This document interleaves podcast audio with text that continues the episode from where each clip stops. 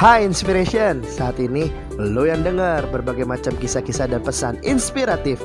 Tapi nanti lo yang harus menginspirasi berikutnya. Nah, hai Inspiration, ketemu lagi bersama dengan gua Alvin Kurniawan yang pastinya di podcast Inspirasi. Dan hari ini kita akan terus melanjutkan pembahasan yang seru-seru buat kalian semua pendengar podcast Inspirasi. Dan hari ini gua kedatangan seorang tamu yang luar biasa, entah gue mesti manggilnya sebagai sebutan pendeta atau guru nih gue bingung nih gitu ya. Karena orang ini ya ya kayak tadi gue sebut sih seorang pendeta dan seorang guru juga. Dan kita hari ini mau ngobrol sama panggilnya apa nih? Pester Jangan dong. Pester Panggil BRO aja, BRO, BRO. Bro Peter. Hai, shalom semuanya shalom. Ini orang yang salah satu gue lihat luar biasa. Gue sering stalkerin Instagramnya. ya dikit lagi gue tutup Iya. lagi. Habis ini di private, di hide dari gue gitu ya. Gue sering stalkerin eh, apa Instagramnya gitu ya, sering lihat dia khotbah di mana, di mana dengan semangat yang luar biasa yang aduh kalau gue lihat dia tuh gue juga jadi semangat gue jadi semangat bro. nih seriusan nih Iya. ini kita ngomong tanpa direncanakan ya Iya, siap, kayak siap, mau siap, sulap siap, aja siap, gitu ya siap, siap. Oke dan hari ini kita mau bahas nih Bro lu kan pendeta juga nih Hmm. Masih muda pendeta Tadi gue juga baru tahu Gue kira umurnya seumuran gue Jauh pak. Gue kira kita seumuran Ternyata gue yang sok muda Saya setengah umur lu. Waduh Ngeri sekali gitu ya Kalau gitu gue berani bilang eh, Ini adalah pendeta termuda di Indonesia Oh enggak. Kalau setengah umur Kalau gitu. setengah umur ya. Ya, ya gitu gitulah. Jadi hari ini kita mau ngobrol-ngobrol sama Bro Peter nih. Siap, Dia siap. Masih muda, dia udah menjalankan eh, pelayanan. Pelayanan dari umur berapa sih? Kalau gua dibilang pelayanan di rumah berapa karena gua anak pendeta kali ya Waduh, dari lahir ya. 0,1 hari bro. Dari lahir ya. ya gua pelayanan dari dari kecil lah sebagai anak pendeta sebagaimana mestinya. Lebih seperti itu. Kita emang hidup bertolak belakang ya. Aduh gitu ya. Lu dari lahir, eh dari lahir, dari kecil udah Iya, di lingkungan itu. itu. Sedangkan gua ya diserang penyamun lah. Ya. Wadah. Tuhan mempersatukan kita nih bro. Shit, thank you podcast Yoi. inspirasi. Asik. Jadi udah sekarang kerjanya apa ya? Selain ah, gua cerita latar belakang gua kali ya. Oke boleh. Siap. Cerita. Jadi gue latar belakang sebenarnya kan gue nggak ada di Jakarta, gue dari Hmm. Makassar, bokap nyokap hamba Ternyata Tuhan. ini nih orang yang menu-menuhi Jakarta ini. Iya, ini makanya KTP Gua- KTP. KTP masih Makassar. Permisi numpang ya.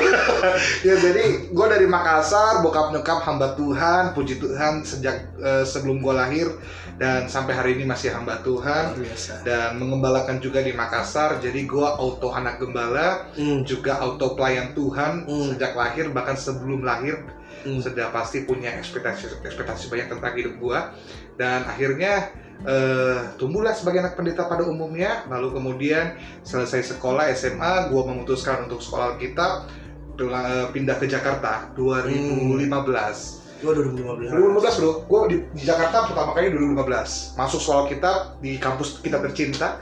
Ambil sekolah teologi dan menyelesaikan 2019 Latar belakang teologi dong gue berarti ya. Hmm. kemudian melayani di salah satu gereja Bethel Indonesia di Jakarta Barat dan hari ini juga Tuhan percayakan justru masuk di dunia yang baru menurut gua belum lama-lama juga Hmm. sih baru sekitar dua tahunan lah Hmm. gua mengajar di satu sekolah swasta di daerah Sunter Oh, gitu. jauh ya gua Jakarta Barat dan Sunter tapi ya itulah gua masuk di dunia pendidikan dan sekarang puji Tuhan mengajar di sekolah eh, SMA dan SMP Tunas Bangsa. Kalau teman-teman tahu Tunas Bangsa, ya dibawa gereja Abalov. Nah, Nih pendengar podcast gua pasti ada yang alumni sana bro. oh masa? Oh pasti. Kayaknya gue pernah denger tuh, oh, lo yang nanya gue tuh apa ya? Pasti ada yang Oh alumni kalau sana. enggak lu siapa? Karena dulu jemaat gua juga ada beberapa. Yang Sunter ya? Iya, Iya, iya. alumni lulusan Tunas Bangsa lah. Gue ngajar di SMA, SMP Tunas Bangsa Sunter sih. dalam Kia tuh sekarang jadi depan showroom eh bukan showroom eh, kantornya pengelola Apa tuh? Perumahan apa ruko tuh sekarang kan Kia udah nggak ada tuh belakang Hmm. Wing Hang kan tuh masuk situ Ah benar, Iya. Wiheng masuk situ. Iya. Iya betul betul betul. situ Di situ sekolahnya gue ngajar di situ dari tahun 2019. 2019 berarti setelah Ya lulus dua tahun ya? dari lulus Oh ya? enggak, gue setahun setelah lulus 2019. Oh sorry, ya gue sebelum eh, lulus semester 6 semester 6 semester 7 awal gue udah full timer Oh gitu. jadi gue udah ngantor di gereja gue udah nggak tinggal di asrama waktu itu kan Hmm. semua anak di asrama gue udah, Asrama, ya. udah tinggal di pastori gereja kita punya satu kontrakan lah rumah untuk uh, uh, pelayan Tuhan full Hmm. timer gue tinggal di full timer setahun gue full timer tuh Hmm. setelah itu gue akhirnya eh, cabut dari full timer dan gue puji Tuhan dapat eh, kesempatan buat ngajar di SMA Ngajar, Prasmanan itu Waduh. Berarti selama ini sekarang lagi ngejalanin profesi sebagai guru. yes Iya. dengan dunia online kita ini karena masa pandemi jadi gue mengajar everyday setiap hari dan mungkin karena gue latar belakang eh, teologi agak sedikit aneh karena di sekolah gue nggak ngajar agama justru Hmm. di sekolah gue malah jadi sekarang guru BK Waduh, guru BK. guru bimbingan Ini konseling guru BK yang ditakuti apa disenangi? Waduh, pokoknya gue eh, guru BK yang dicintai anak-anak. Eh, Waduh, sedap. Guru BK yang mengayomi. Ini bahaya kayaknya buat buat para pelajar-pelajar wanita nih ya. Jadi guru gue masih muda lagi nih keren. Aduh. Tapi bersyukurnya sekolah gue itu menjaga dengan baik dan juga melindungi gue dengan baik. Jadi di sekolah gue itu guru BK-nya setiap jenjang ada dua. Oh gitu. Khusus untuk sekolah gue ya, justru ya Tuhan punya jalan lah di sekolah-sekolah di cabang tunas bangsa yang lain gue nggak ketemu seperti ini. Hmm. Tapi khususnya di Sunter, eh, di SMP dua guru BK. Gua pegang anak-anak yang cowok Oh dan gitu. ada guru BK untuk yang cewek. Di Oh. SMA demikian juga. Gua pegang yang cowok-cowok, ada guru BK juga yang pegang yang cewek-cewek. Jadi terjagalah brother. Dan juga akhirnya mulus-mulus saja dua tahun Yeah. ini menjalaninya dengan baik. Gue mencintai pekerjaan gue sebagai guru juga dan gue banyak belajar dari kepercayaan Tuhan yang diberikan melalui pekerjaan guru Yeah. ini sih. Ya gue gue pernah denger denger sih emang di TB agak ketat ya. Sampai ketahuan pacaran aja misalkan masih sekolah nih ketahuan pacaran bisa diskors gitu ya. Bisa Eh, dipanggil dikasih surat orang tua segala macam. lebih bahasa lebih baiknya mungkin lebih fokus apa ya Iya, disiplin disiplin. iya lebih ya lebih apa namanya ya konsen tentang hal-hal Iya, seperti benar-benar. itu lebih tentang hal Iya. seperti itu Gitu. Nah, jadi guru kira-kira nih apa sih trouble atau tantangannya paling besar? Ini guru sekolah Kristen ya? Sekolah Kristen puji Tuhan tunas bangsa kan Kristen banget. Hmm. Sangat Kristen. sangat Kristen ya dan eh, kalau lu nanya apa tadi tantangannya tantangannya. eh ah ini nih karena gue juga baru di dunia guru nggak ya dua tahun lah ya Hmm. gue baru banyak melihat sebenarnya latar belakangnya kalau gue masuk sekolah eh sorry belajar jadi guru ini juga bukan karena keinginan gue sih Hmm, sebenarnya gitu. Jadi kalau cerita di balik story gue jadi guru ini gue setahun jadi full timer kemudian setelah itu gue pengen ngambil S2 Hmm. tapi memang ada aturan di gereja gue kita itu eh, kalau full timer mesti full full, full timer Fokus ya. dan kalaupun juga mau kuliah berarti gue mesti memilih salah satunya Hmm.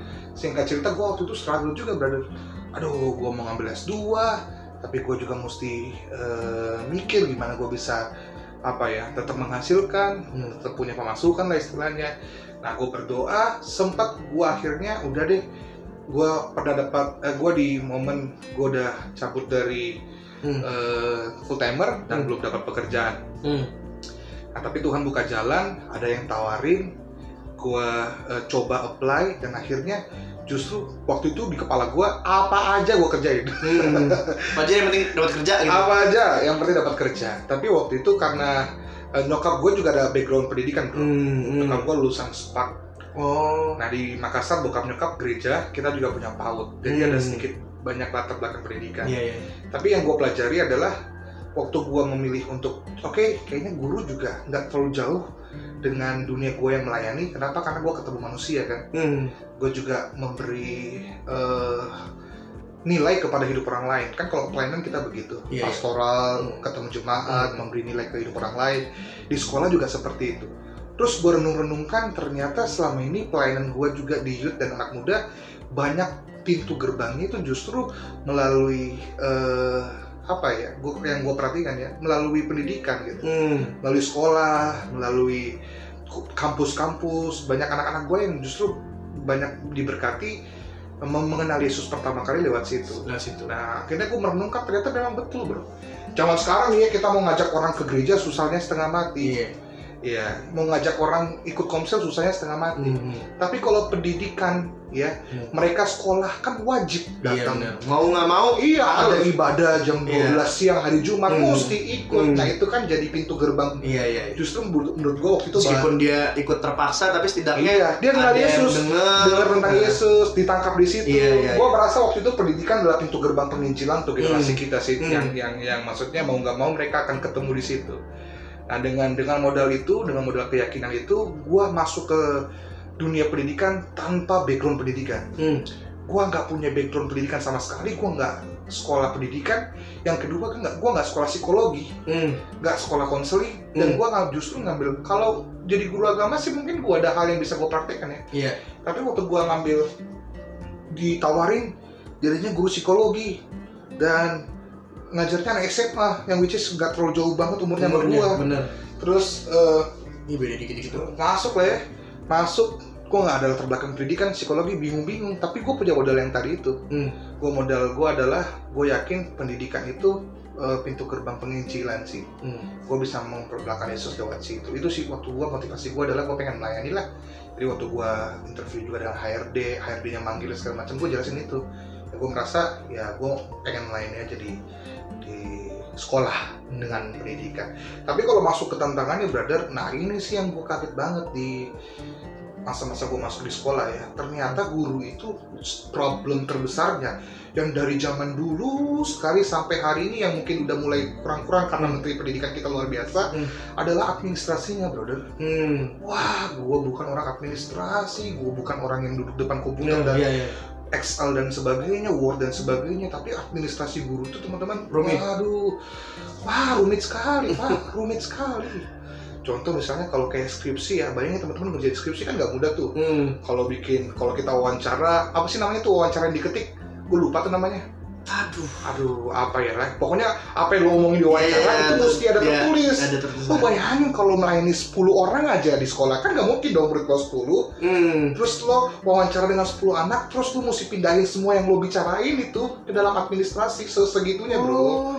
jadi ada namanya konferensi kasus kalau guru BK ya gue nggak tahu tapi gue lihat juga teman-teman gue di BK BK eh, di eh, guru-guru yang lain guru matematika apa segala macam memang akan banyak bertemu dengan administrasi Administrasi ya. iya gue pernah sempat satu kali tuh lagi sampai malam gue ngerjain administrasi masuk masukin poin karakter segala macam aduh gue bilang aduh ini angka-angka semua satu dua satu dua dua tiga dua empat gue pikir aduh ini jauh banget dari ekspektasi gue Hmm. yang melayani di sekolah dengan ketemu anak-anak Hmm. sharing hidup Iya, iya. Eh, dengerin struggle mereka kenalin Yesus doain mereka tanam nilai itu kan ekspektasi gue Iya. tapi ternyata gue mesti ngerjain administrasi dan gue rasa mungkin memang semua pekerjaan ada sisi-situnya ya Hmm. tapi gue melihat di guru sendiri ya struggle-nya itu bro lu mesti ngerjain sesuatu yang kadang lo pikir ini nggak masuk akal Hmm. sesuatu yang eh, kayaknya tumpukan-tumpukan administrasi itu kayaknya nggak dilihat juga nih nggak Hmm. guna juga nih Iya, iya. tapi itu harus kita kerjakan sih nah jadi struggle gue sih sementara sih yang paling besar adalah itu adalah tentang Administrasi. administrasi sebagai guru. Tapi sisi yang lain juga struggle-struggle sebagai guru adalah bagaimana kita akhirnya mesti belajar untuk menyesuaikan diri dengan eh, lingkungan sekolah, Hmm. budaya sekolah, kemudian lingkungan eh, orang-orang yang kita layani ya, khususnya kali ini anak-anak. Hmm. Dan gue disunter background keluarga yang mungkin eh, melihat kita sebagai guru, kemudian kita mesti tahu mereka ada problemnya apa, Hmm. anak-anak di sekolah itu bro sekem- eh, sebagian besar kalau kan gue bikin riset adalah Iya. itu eh, problem mereka sebagian besar itu berasal dari keluarga Hmm. jadi produk keluarga yang Keluarga, akhirnya justru kita temukan di sekolah Sekolah. nah jadi kita struggle-nya jadi guru adalah begitu mesti mengenali satu persatu bukan hanya anaknya tapi sampai ke Keluarganya. keluarganya keluarganya terus apa yang dialami di rumah nggak jarang tuh bro Hmm. kita sampai ke situ Nah, iya. itu sih kalau gua di BK ya, gua nggak tahu guru-guru yang lain yang matematika Hmm. kan nggak mungkin sampai situ. Hmm, Cuman kalau gua di BK, gua sampai ke situ, sampai kayak eh, tahu eh, orang tuanya ternyata divorce, Hmm. kemudian anaknya tinggal sama siapa, terus kalau ini kendalanya apa, dan gua sampai ngurusinnya kayak gitu-gitu. Hmm. Dan ternyata ngurusin eh, tiga empat lima anak sampai gua kan di SMP SMA cukup banyak dia, itu wah menguras menguras banyak. Energi. juga fokus kita energi dan segala macam. Dengerin cerita mereka dan dan gitu gitu sih. Itu sih kalau bro kalau struggle sebagai guru sebagai khususnya gua guru BK ya Iya, administrasi dan effort untuk benar-benar masuk ke dunia anak-anak dengan latar belakang keluarga Hmm. dan segala macam. Soalnya gue nggak tahu nih, kalau lu kan sekolah nih sekolah Kristen nih, yes yes yes. Karena gue juga punya teman beberapa guru ya, dan gurunya juga bukan di sekolah Kristen. Hmm. Nggak tahu apakah emang sekolah Kristen anak-anaknya lebih nice atau emang sama aja. Jadi kalau kayak gue temuin di beberapa orang yang gue kenal, itu mereka juga kalau SMA deh lebih lebih berani nih. Kalau SMP kan mungkin mau mau badung, mau nakal, mau nyoba-nyoba yang sesuatu yang gimana kan masih takut-takut. Hmm. Tapi kalau di SMA kan itu lagi fase-fase mereka lagi pengen menunjukkan jati diri nih. Hmm. Jadi kalau yang Bandung, Bandung banget. Hmm. Yang sampai kayak batu, ngotot. Lu pernah gak sih kayak ngadepin murid yang kayak ngajakin kayak berantem? Lu masa so tau lu pak, lu apa lu berantem aja sini apa? Apalagi kan lu sama dia mu- mu- umurnya juga nggak jauh nih. Sekarang 23 ya. Hmm. 23 Jalan 24 lah Jalan 24 anak SMA tuh rata-rata dari umur 15, 16, 17 ya. SMA eh 15, 17 lah. 6, 17, 18, 16, 17, 18 Iya, 16, 17, 18, 15, 16, 17 lah ya, kisaran gitu ya. Ya, selisih cuma 3, 4, 5, 6 tahun gitu kan. 5 tahun Biasanya kan mungkin dia ngerasa, ah ya nggak kali ini guru gua nih nggak terlalu Iya tua nih apa segala macam jadi kayak 5 tahun itu gua kelas 9 tenteng 5 tahun tuh gue kelas 9 SMA, dia masih kelas 8 SMP Jadi masih Hmm. ketemu gue di masih ketemu itu. iya kan bener kan tiba-tiba jadi guru nih kan. misalkan gitu kan Iya, iya. Nah itu ada nggak sih nemuin anak-anak yang model begitu? Ada, ada. Ada ya? Gue bersyukur gue masuk ke dunia pendidikan dan gue melihat eh, generasi dengan sisi yang lain. Hmm. Karena kalau gue main di gereja kan gue akan melihat eh, anak muda dan juga generasi kita dari sudut pandang gereja dan pelayanan Hmm. pastoral. Maka yang datang adalah dengan kebutuhan eh, ya holistik mereka kebutuhan Hmm. kerohanian mereka. Hmm, hmm, hmm. tapi ternyata ada banyak yang tidak terjangkau di situ brother. Oh gitu. Dan justru kita dan gue bersyukur gue menemukan di pendidikan nah gue melihat justru banyak anak-anak kita yang akhirnya struggle dengan karakter dengan struggle dengan moralitas. Ya karena eh, ya mereka nggak pernah nggak pernah dijangkau dan justru ada di sekolah. Hmm. Ketemunya di sekolah. Mereka nggak nggak nggak relate dengan gereja ya. nggak relate dengan ya komunitas. Tapi mereka hadir yang tempatnya mereka hadir di sekolah. Hmm. Nah, kalau yang begitu-begitu banyak, khususnya gue di Sunter ya. Kalau Hmm. gue udah observasi, lihat-lihat juga di daerah-daerah yang lain, di cabang-cabang sekolah gue yang lain, justru yang paling bandel, tanda kutip, yang paling struggle untuk anak-anak itu di Sunter, Pak. oh gitu Hmm, anak SMA-nya. Gue ingat banget tuh, gue masuk kelas 9, waktu itu pertama kali gue ngajar. 9 SMP 3 ya SMA, sorry, sorry, kelas 12. 12 hmm. Gue baru masuk kelasnya, Pak. Gue kan, di sekolah gue, gue nggak cuma jadi konselor, Hmm. gue juga ngajar Hmm. em, eh, mata pelajaran eh, karakter ya eh, karakter building, personal Iya, building, iya, dan segala macam. Jadi gue masuk, gue ngajar kan harusnya dua jam, gue taruh buku seperti biasa anak-anak ini duduk salam salam, duduk terima kasih. Wah pertanyaan pertama pak, langsung ada dari belakang ke tangan pak. Saya mau nanya, gue udah perkenalan waktu itu kan. Hmm. Dia langsung nanya gini, bapak umurnya berapa? Waduh bro, langsung ditanya. Ya Hmm. tapi kan kita juga ada etika guru ya di Iya. sekolah. Jadi kita bisa menjelaskan, oh itu bukan pertanyaan yang harus ditanyakan oleh murid kepada oh gurunya. Gitu. Jadi justru struggle-nya adalah akhirnya mem- mem- membangun kelas istri itu bro dengan Iya, anak-anak. Ya mungkin gue kelihatan eh, udah stylenya muda, Hmm. gaya gue sangat muda, muka Hmm. gue kan muda banget. ini muda muda Tapi justru yang gue pelajari yaitu ya bagaimana gue menempatkan diri sebagai eh, kapan waktunya gue membangun as a Hmm. friend, Hmm. sebagai guru yang memberi teladan Hmm. dan memberi contoh eh, sehingga anak-anak ini lihat sesuatu dari gue. gitu. Hmm. Kalau yang eh, sempat ribut segala macam berantem sih nggak pernah, nggak pernah ya tapi menunjukkan sikap yang tidak sopan, menunjukkan Hmm. sikap yang tidak hormat itu sering sekali. hmm. Tiba-tiba kita lagi ngajar dia keluar, mau ke mana kamu mau ke kantin? Ya cuma kan kita langsung kayak gitu ngomong Uh, darah muda pak. Uh, tapi dengan sekali lagi teladan yang baik, Hmm. dengan contoh yang baik menguasai diri. Apalagi gue guru BK, Hmm. nggak mungkin dong guru BK berantem sama muridnya, Iya. tahan diri, ya. Kemudian, oke, gue nggak terlalu supaya nggak mengganggu pelajaran, tetap ngajar, dia ke ruang ma- ke kantin segala macam. Selesai kelas gue panggil, wah duduk masih angkat kaki. Ada yang kayak gitu-gitu bro. oh tapi justru akhirnya semua itu kan ya gue pelajari adalah hal-hal negatif yang keluar dari anak-anak itu adalah manifestasi Iya.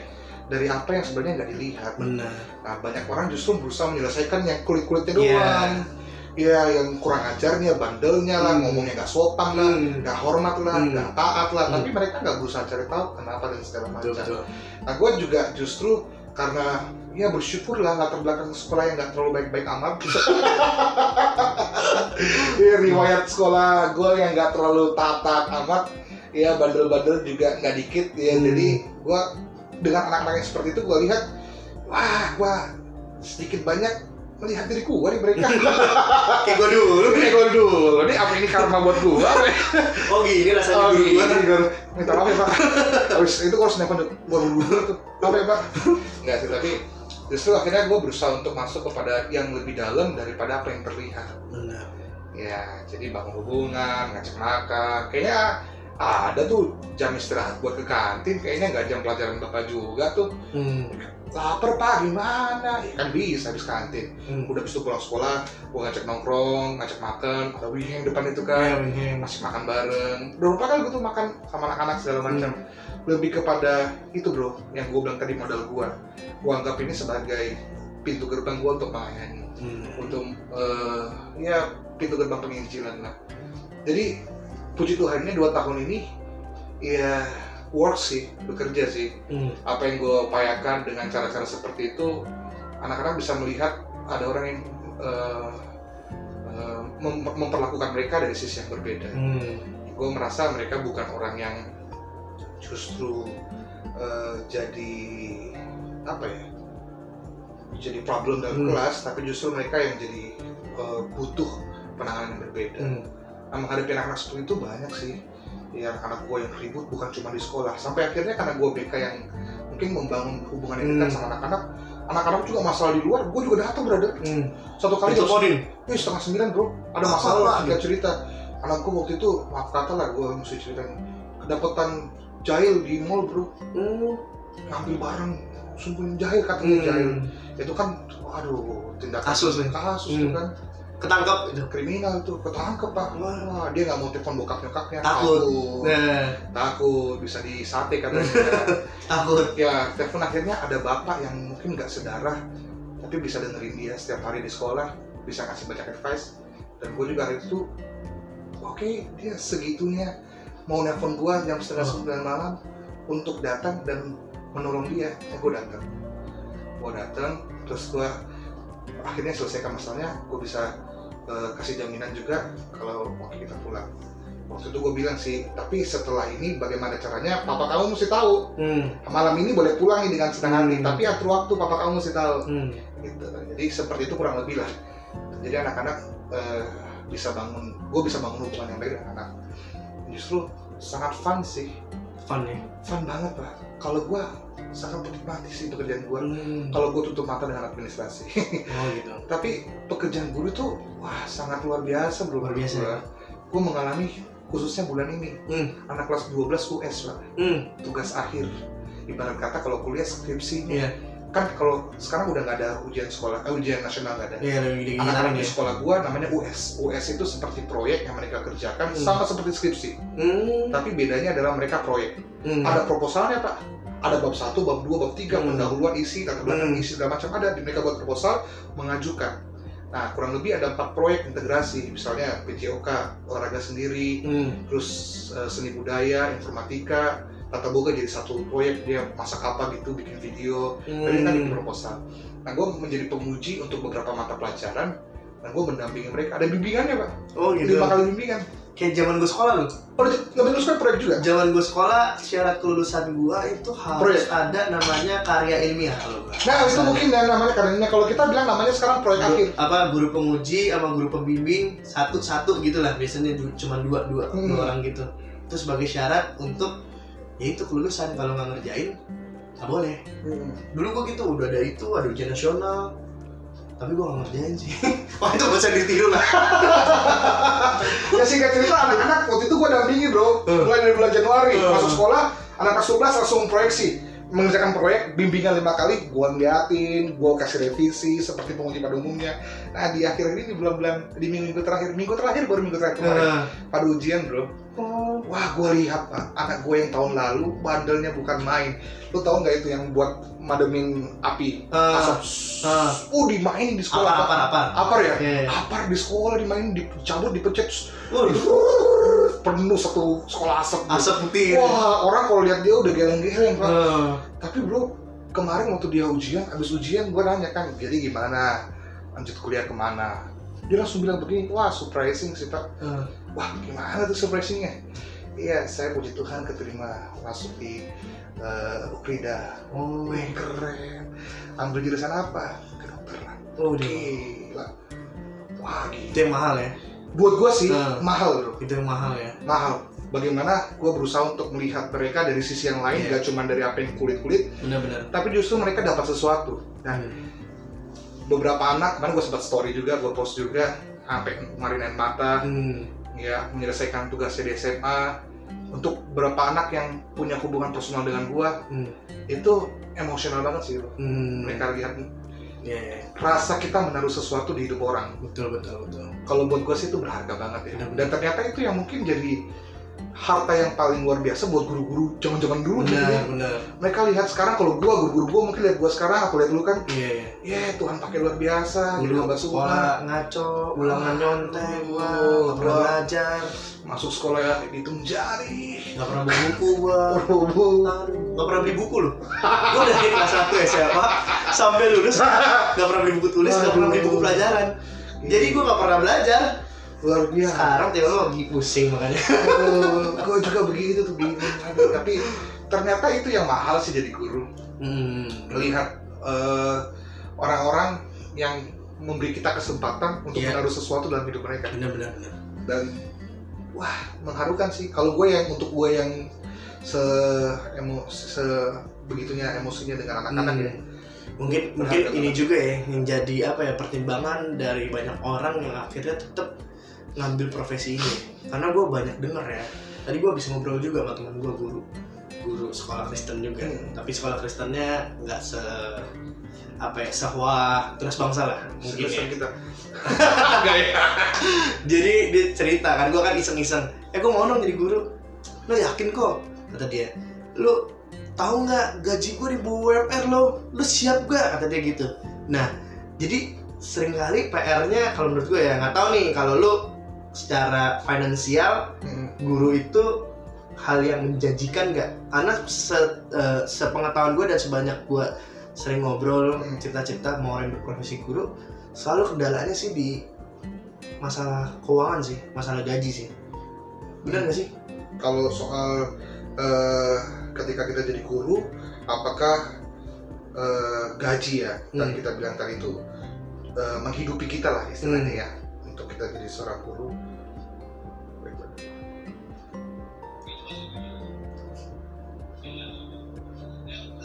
ya jadi kalau gue sendiri sih gue punya cerita yang berbeda Hmm. tentang menjadi seorang guru dan gue nggak bisa jadikan ini patokan untuk yang lain sih. Kalau gue dapat gue seperti gue sering kepada lu juga. Hmm. gue punya favor of God-nya itu lah tadi. Favor of God. ya jadi eh, di sekolah gue kepuji Tuhannya menghargai. Menghargai. Dan juga punya standar khusus untuk Hmm, untuk guru. guru-guru. Nah. Nah jadi gue kalau gue dengar dari yang lain juga gue punya miris ya gue gue punya ya yang lebih dari yang lain lah hmm. untuk sekolah gue ya. Karena sekolah gue mungkin punya bagaimana Nilai. nilai mereka kepada gue value nih. Hmm, puji Tuhan bahkan justru di tempat gue ya. Nggak tahu ya teman-teman mungkin di tem- di sekolah-sekolah yang lain juga ada kali ya. Hmm. tentang tentang eh, bagaimana soal kalau kita bicara soal gaji Hmm. mereka menghargai guru dan sebagainya. Tapi di sekolah gue sih menghargai bro. Dan oke sih brother oke oke waktu itu gue kaget juga waktu gue eh, interview Oh, oh. interview kan ngobrol waktu itu kan keadaannya ya kalau personal gue kan lagi struggle Hmm. kehilangan pekerjaan Hmm. gue lagi nyari pekerjaan apa aja gue mau kerjain datanglah guru ini Hmm. gue keterima aja ada Hmm. penghasilan bulanan aja gue haleluya puji Tuhan Hmm. tapi waktu interview pak ditanya kalau kamu sendiri kira-kira eh, berharapkan berapa dari kami Hmm. wah gue sebut dong setidaknya nggak lebih kurang dari yang sebelumnya Hmm. cukup lah untuk hidup gue Hmm. gue sebutkan segini bu oh kalau itu mah Kecil banget ya. wah kita Hmm. pasti ya lebih dari itu Hmm. singkat cerita pas tanda tangan kontrak keluarlah hasilnya hampir dua kali bro Wah. dan dan mereka menghargai itu sih Ini sih yang gua mau apa ya katakan mungkin di satu sisi lo pas dapet sekolah bisa menghargai guru ya iya karena kalau menurut gue nih ya kalau gue secara pribadi pandangan gue tentang guru seharusnya sekolah-sekolah ya ya mau sekolah negeri ke swasta mana pun ke dan lain-lain mesti bisa menghargai profesi guru sih karena biar bagaimanapun ini adalah apa ya pengajar ya pengajar buat Iya. generasi bangsa sih Iya. menurut gue sih inilah ya pahlawan tanpa tanda jasa yes benar Ah, banget. Ini gue juga baru menyadari ini ya belakangan ini dulu waktu sekolah mah iya. ah bodo amat guru gua mau sampai mau ngajar nih ya dulu ya guru gua nih. Masuk kelas udah nggak bisa ngajar karena nggak ada yang mau dengerin. Dia keluar kelas nangis doang. Hmm, nangis doang. Wah gila gua kalau mikir kayak sekarang nih ngeliat kayak gitu gila ya. Padahal dia dalam tanda kutip ya eh, bela re- rela-rela gitu kan pagi keluar dari rumah untuk datang ke sekolah. Dia ngajarin dia rela di dalam tanda kutip dikerjain murid-murid nggak didengerin segala macam. Wah gila sih gokil sih menurut gua untuk hal yang kayak gitu ya. Jadi ternyata guru nggak selamanya maksudnya dalam tanda kutip secara keuangan atau finansial itu nggak baik juga ya. Kalau gua sih bersyukur ya dapat kondisi Iya, seperti iya. itu tapi teman-teman gue juga kalau gue ngobrol juga kadang wah beberapa ada yang miris kan negara kita masih belum menghargai tentang itu sih. ya Eh, tapi menurut gua sih ya untuk beberapa guru yang gua lihat ya Hmm. kok bisa sih sampai hari ini masih Hmm, stay hmm. dan juga betul-betul karena itu yang tadi gue bilang bro yang mahal dari mereka bukan Iya. hanya tentang upah secara materi Iya, yang mereka terima tapi ada rasa yang tidak bisa dibayar yang mereka dapatkan di Yes. dalam pekerjaan yang mereka kerjakan itu dan gue gak, gak jarang ketemu teman-teman gue yang tahu resikonya Hmm. tahu kondisinya tentang eh, mungkin nggak kurang juga sih ya cukup lah untuk hidup Hmm. ya kadang juga kurang kurang tapi mereka merasa eh, oke karena ada yang lebih mahal daripada Iya. apa yang diterima itu benar benar benar gitu sih untuk teman-teman yang juga kepikiran pengen jadi guru, Jadi guru. dan segala macam resikonya ya kurang lebih ya mungkin mengiyakan lah apa yang bro tadi bilang tentang bagaimana sekolah menghargai Hmm. tapi rata-rata yang gue tahu guru yang jadi ya orang yang jadi guru dan stay betul-betul konsisten eh, setia sampai sekarang karena melihat sesuatu yang lebih daripada Iya. materi yang dipegang nilai yang Nah. lebih dari sekedar uang ya Iya. value-nya ya ya itu yang jauh lebih mahal sih. Yes. yang mungkin kadang kita nggak bisa lihat eh, nggak nggak nggak semua orang bisa lihat itu benar benar benar benar benar. itu sih kalau jadi guru Jadi kalau gue bisa simpulin dari yang lo ngomong nih dari tadi nih, ketika ada orang memilih profesi guru, terkadang mungkin mungkin nih dia dapat sekolah yang emang secara materinya enggak kurang mumpuni, tapi kalau emang panggilan dia di sana, Iya. Gue lah karena ada nilai yang lebih berharga dibanding cuma sekedar materi uang itu kan, iya gitu. Iya gue sampai bingung, kayak gue punya ada kenalan gitu ya, lagi kuliah nih di Atma. Jadi dia ngambil jurusan eh, guru untuk pendidikan desa tertinggal atau apa gitu. hmm. Gue udah Orang mi- mau gitu ya mikir dalam hati kan, Hmm. dia ini ngambil jurusan ini udah tahu nih untuk pergi ke sebuah desa atau ke pedalaman yang emang secara pendidikannya nggak baik. Hmm. Itu mah nggak usah ngomongin nilai ya, nggak usah ngomongin maksudnya secara keuangan ya. Udah pasti nggak akan nggak akan inilah. Nggak sesuai ekspektasi lah. Iya gitu kan. Ayo kok mau ya gitu kan. Ya ternyata mungkin emang dorongan dalam diri dia yang dia mau Iya. bagikan hidup untuk orang lain ya salah satunya lewat jalur pendidikan ini ya. Iya. Gitu. Karena banyak gue lihat ya orang tuh mikirnya gini bro. Kalau lu kan pendeta sekaligus guru nih banyak orang mikir pelayanan tuh cuma di gereja Hmm. padahal tadi kayak lu ngomong ternyata di bidang lu sebagai guru ini adalah bagian dari pelayanan lu iya iya lu gue bagi nilai, lu bisa bagi hidup buat anak yang lu bina, bahkan mungkin yang selama ini gereja nggak bisa jangkau, nggak bisa jamah, lu bisa masuk tuh Iya. di situ. Iya. Makanya gue bilang kan begitu. Kalau memang semua guru melihat pekerjaan ini dari sisi materinya, ya kita nggak akan ketemu jurusan-jurusan pendidikan yang sampai hari ini masih terisi bro. Hmm. Masih ada aja lu ke kampus Iya, mana benar, aja, benar, benar. cari jurusan pendidikan pasti ada Iya, muridnya, iya. pasti ada mahasiswanya. Benar. Nah kenapa orang pengen jadi guru? Ya karena nggak semua orang melihat sebuah pekerjaan dari sisi materinya, Hmm. tapi sisi hal-hal lain yang mungkin dari mereka bisa berikan dan memang passion yang mereka suka Hmm. dan yang gue percaya sih ya apa pun pekerjaannya even itu eh, guru atau pekerjaan yang lain pun juga ya eh, materi yang kita terima yang menurut gue sih itu bukan satu-satunya cara Iya. Tuhan memelihara kita Betul, betul. ya itu sih ya kalau memang untuk jadi kayak dulu waktu gue jadi pendeta tuh Hmm. dia bilang begini sih gue nggak tahu ini masih Kok dulu kayak jadi pendeta? Emang sekarang udah nggak pendeta? dulu waktu gue mau jadi pendeta Oh, waktu jadi. dulu gue mau jadi pendeta Oh, jadi pendeta. Iya, iya. waktu dulu gue mau jadi pendeta ya ada yang pernah ngomong sama gue sih Hmm. pendeta itu ya cuma bisa kaya tapi jangan harapin dia kaya raya Hmm. kalau mau kaya raya itu jadi pengusaha Pengusaha. Hmm. kalau kaya aja udah bersyukur jadi Hmm. pendeta itu kaya ya berkatnya Tuhan lah tapi nggak ada yang pernah pendeta kaya raya gue nggak tahu sekarang ya Hmm. kalau lu mau kaya raya waktu itu dibilang ya jadilah pengusaha Usaha. lu bakal kaya raya gitu nah jadi memang tergantung lagi sih bro motivasi Iya. dan eh, dorongan kita untuk jadi Iya. guru ya mungkin juga gue nggak tahu ada guru yang kaya atau enggak ya Hmm. tapi mungkin bukan kaya secara materi Iya. tapi kaya secara kebanggaan hidup benar, benar. Ya apresiasi diri dan segala macam ya itu yang membuat mereka menjadi kaya. Karena kita nggak tahu ya anak yang kita didik ini 10-15 tahun ke depan jadi apa ya? Iya bro. Itu yang mahal banget ya. Wah kalau dengan dengan cerita itu kan banyak bro. Hmm. kita kan juga di sini ada seperti ini karena guru-guru kita. Yes benar benar. Pekerjaan guru pekerjaan yang mulia sih. Hmm. makanya salah satu menurut gue ya salah satu panggilan semua orang hmm. ya kan termasuk hamba Tuhan adalah Iya. mengajar. mengajar. Yes. Kenapa begitu? Eh, fokus ya karena kan mengajar itu memberi sesuatu kepada Memberi orang memberi nilai. Dan itu yang dimiliki oleh seorang guru. Yes. Kita jadi guru aja semua yuk. Guru itu pekerjaan mulia bro. Yang upahnya bukan hanya secara materi tapi ya pemeliharaan Tuhan secara utuh. Lah gue gue ini ya tra- terakhir nih dari gue sebelum taruh pertanyaan terakhir ya. Ship, ship, gue ship. cuma juga termasuk melihat sebuah pekerjaan guru tuh eh, salah satu yang mirip dengan eh, panggilan sebagai hamba Tuhan sih. Iya iya iya. Gini kita bekerja mengabdikan hidup tapi kita nggak boleh menuntut iya Iya nggak sih? kalau guru kan jarang ya kayak misalkan eh gue keahlian gue ini, ini, ini tuntutan gue misalkan sekian wah gede apa gimana gitu karena ya itu balik lagi ketika kita apa ya terjun dalam profesi guru ini ya dalam tanda kutip sebenarnya kita udah pengabdian kita sih yang, Ya. yang lebih betul di apa ya ditekankan atau mungkin yang dihidupi lah ya gue bisa bilang tuh dulu waktu gue jadi bukan dulu dulu waktu gue pengen jadi hamba Tuhan Hmm. juga kan banyak dengar dengar tuh Hmm.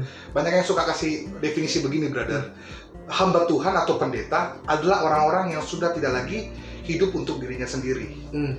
makanya memberi diri untuk Tuhan dan Hmm. pelayanan tapi sepertinya definisi yang sama juga sama halnya dengan guru guru Hmm. ya kan bro guru Iya. adalah memang mereka orang-orang yang memutuskan untuk tidak lagi hidup bagi diri mereka sendiri.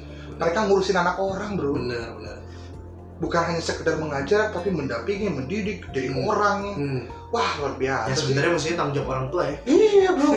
Nah itu kan sekarang waduh susah bro. Sekolah kalau sekarang dititipin di sekolah dititipin di gereja. Aduh. Gua baru tahun ini jadi wali kelas diminta Oh, iya. karena karena beberapa guru kemarin penerimaan PNS jadi eh, Keluar. jadi PNS dan kita kurang guru ceritanya. Hmm. jadi gua jadi guru merangkap guru BK dan wali kelas. Wih, bro orang tua zaman sekarang. Mantap! Wah bisa WA kita tengah malam. Pak tolong dong kasih tau anak saya. Jangan main game sampai Hmm. malam-malam. Dalam hati gua siapa yang tinggal bareng lu? Gitu kan. Siapa yang orang tuanya nih memang kenapa gue bisa Kenapa gue yang mesti kasih tahu setengah sepuluh malam gitu kan? Jadi kayaknya fungsi mendidik sering kali disalahartikan. Nah. Oh, bagian sekolah nih, padahal justru kita ini adalah eh, apa ya penolong lah ya. Tolong ya Fungsi utama orang tua. Second layer lah ya. yang mendidik. Iya. Iya. Iya kan, jadi bersyukurlah bro dapat dapat kesempatan menjadi seorang guru. Ini pekerjaan yang mulia sekali sih. hmm. Ya nggak semua orang mungkin melihat itu. benar benar benar benar. pesan deh terakhir deh nih sebelum Ship, kita tutup Eh, pesan dari lu buat teman-teman yang mungkin dengerin Mm. eh, podcast ini terus dia punya apa impian atau punya panggilan untuk menjadi seorang guru entah itu guru di sekolah Kristen kan entah guru apa wha- whatever lah tapi kan lu guru BK nih Hmm. ya entah mereka jadi Guru guru di bidang apa pun lah Hmm. pesan atau hal apa yang mau lu sampaikan buat mereka supaya mereka yakin nih Hmm. Mungkin yang pertama definisi tadi ya. hmm. Mungkin yang kita perlu tanamkan dalam kepala kita dan sama-sama sih. Gue juga benar-benar ingat ini terus adalah guru adalah mereka yang memutuskan untuk tidak lagi hidup bagi diri mereka sendiri. Iya. Waktu lo punya kerinduan dan memutuskan gue pengen jadi guru, artinya lo memutuskan untuk berhenti hidup buat diri lo sendiri. Hmm. Lo akan hidup bagi banyak orang, Iya. akan hidup buat anak-anak orang yang mungkin gak sedara, yang lo nggak tahu dari mana. Hmm. Tapi yang kedua, menjadi guru adalah privilege kita untuk punya kesempatan Ya. memberi nilai Hmm. kepada kehidupan banyak orang. Yes. Men, lu setiap tahun ketemu anak yang berbeda. Hmm. Keluar satu, masuk lagi. Iya. Keluar satu, masuk lagi. Let's see, satu tahun lo ketemu 50 anak lah. Iya. Ya, tiga tahun lo ketemu 150. Hmm. Du- eh, lima tahun lo ketemu 250 orang Hmm. yang memberi diri untuk eh, kita menaruh nilai pada Benar, mereka. benar, benar, benar. Wah gila sih men, Iya, menurut iya. gue ya satu hari lo akan melihat 250 orang yang punya bagian dalam diri lo yang ada dalam Hmm, mereka, iya, ya, iya. nilai lo, prinsip hidup lo, dan itu kan luar biasa. Makanya guru bukan cuma sekedar mengajari mata pelajaran mereka, tapi guru itu mereka yang membagi hidup, Hmm. membagi nilai, menaruh sesuatu, Hmm. kedisiplinan, karakter Iya, iya, benar. kepada anak-anak. Jadi yang kedua ya guru itu adalah privilege sih. Jadi guru itu adalah kehormatan, Kehormatan ya. diberi kesempatan memberi nilai buat Yes. mereka. Dan yang ketiga ya pekerjaan yang mulia, sangat sangat mulia. Karena kita nggak tahu ada banyak orang yang justru eh, dengan sesuatu yang kita berikan, hal yang kita mungkin nggak perhitungkan, tetapi mengubah kehidupan mereka. Yes. Ya kan, semua orang mengalamilah jasa dari namanya Guru. guru. Siapa pun kita, lu guru TK kek, guru SD kek, guru Iya. SMP, guru SMA kek, ma- dosen kek, Iya, siapa kek, lu memberi nilai sesuatu kepada orang benar. ya kan asik banget sih ketemu manusia memberi Iya. memberi nilai kepada orang ketemu orang Hmm. ketemu anak-anak Hmm. kenal orang juga melayani mereka ini pekerjaan yang mulia sih Yes. Oke, Jadi begitulah ya kurang lebih profesi shit, ya. shit. Jadi buat semua pendengar Cila pendengar udah kayak di radio. waduh Jadi buat kalian teman-teman yang lagi galau mau jadi guru, tanamkanlah dalam hati bahwa profesi guru adalah profesi yang mulia dan ketika kalian masuk situ bukan masalah nilai uangnya, meskipun mungkin kalian juga butuh uang sih gitu kan. Tapi bagaimana nanti kalian mendidik anak-anak ini menjadi seseorang yang akan berguna bagi bangsa dan negara juga nih ya. ya itu makanya tadi gue bilang kalau mau jadi kaya raya jangan jadi pendeta Hmm, jangan jadi guru ya udah fix banget lo gak bakal kaya raya Oke, tuh iya benar-benar. kalau kaya aja itu mungkin bonus tuh masih bisa ya. masih bisa lewat mana-mana tapi kalau mau jadi kaya raya jadi pengusaha lah Iya. Tapi kalau kaya secara hati, pengalaman, dan lain-lain, guru menjamin banget sih. Oke, thank you banget bro. Ship, ship, ship. Nih salah satu orang muda yang sangat gua aduh, angkat topi lah bisa Aduh. ibaratnya. Gua banyak belajar juga. Jadi sampai jumpa di podcast inspirasi berikutnya. Semoga terinspirasi. Wah, lama banget dong ngobrol.